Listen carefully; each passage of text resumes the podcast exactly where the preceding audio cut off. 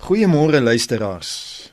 Daar kan nie 'n beter manier wees om hierdie nuwe werksweek te begin as om saam met duisende ander vir 'n paar oomblikke by die Here en sy woord stil te staan nie.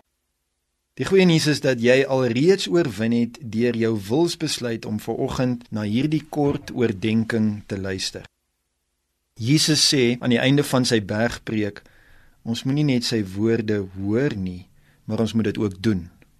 En dit is waarmee ek jou ver oggend wil aanmoedig. Kom ons neem nou 'n klein stappie om die woord te doen. Psalm 1 vers 2 is sedert 'n jeugkamp in 1987 een van my gunsteling verse.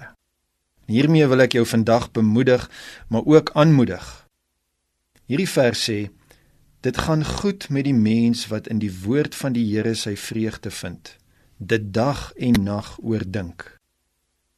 Vandag as Maandag, die eerste dag van die week, gaan dag dalk 'n dol dag wees.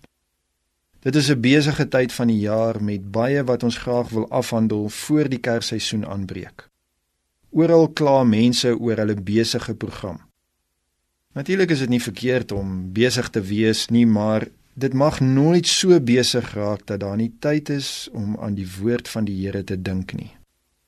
Dalk is dit die afgelope ruk die tendens in jou lewe.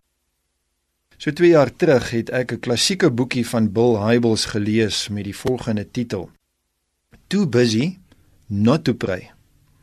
Natuurlik is dit van toepassing op die woord ook. As jy besig is, moet die woord van God deel van jou lewe wees. Daarom daag ek jou vanoggend uit ter wille van jou eie behoud om hierdie tendens om te draai. Neem nou 'n besluit hieroor. 'n Baie eenvoudige klein en haalbare besluit. Kies om een vers of 'n gedeelte van 'n vers uit die woord deur die dag saam met jou te dra. Wees kreatief. Stel sommer 'n selfoonalarm vir eers deur die dag met die bewoording oordink die woord. Dis 'n een eenvoudige begin. Dit gaan oefening verg, maar dit is absoluut die moeite werd. Kom ons hoor nie net die woord nie, maar kom ons doen die woord soos wat Jesus sê.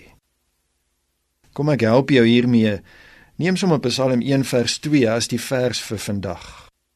Dit gaan goed met die mens wat in die woord van die Here sy vreugde vind, dit dag en nag oordink.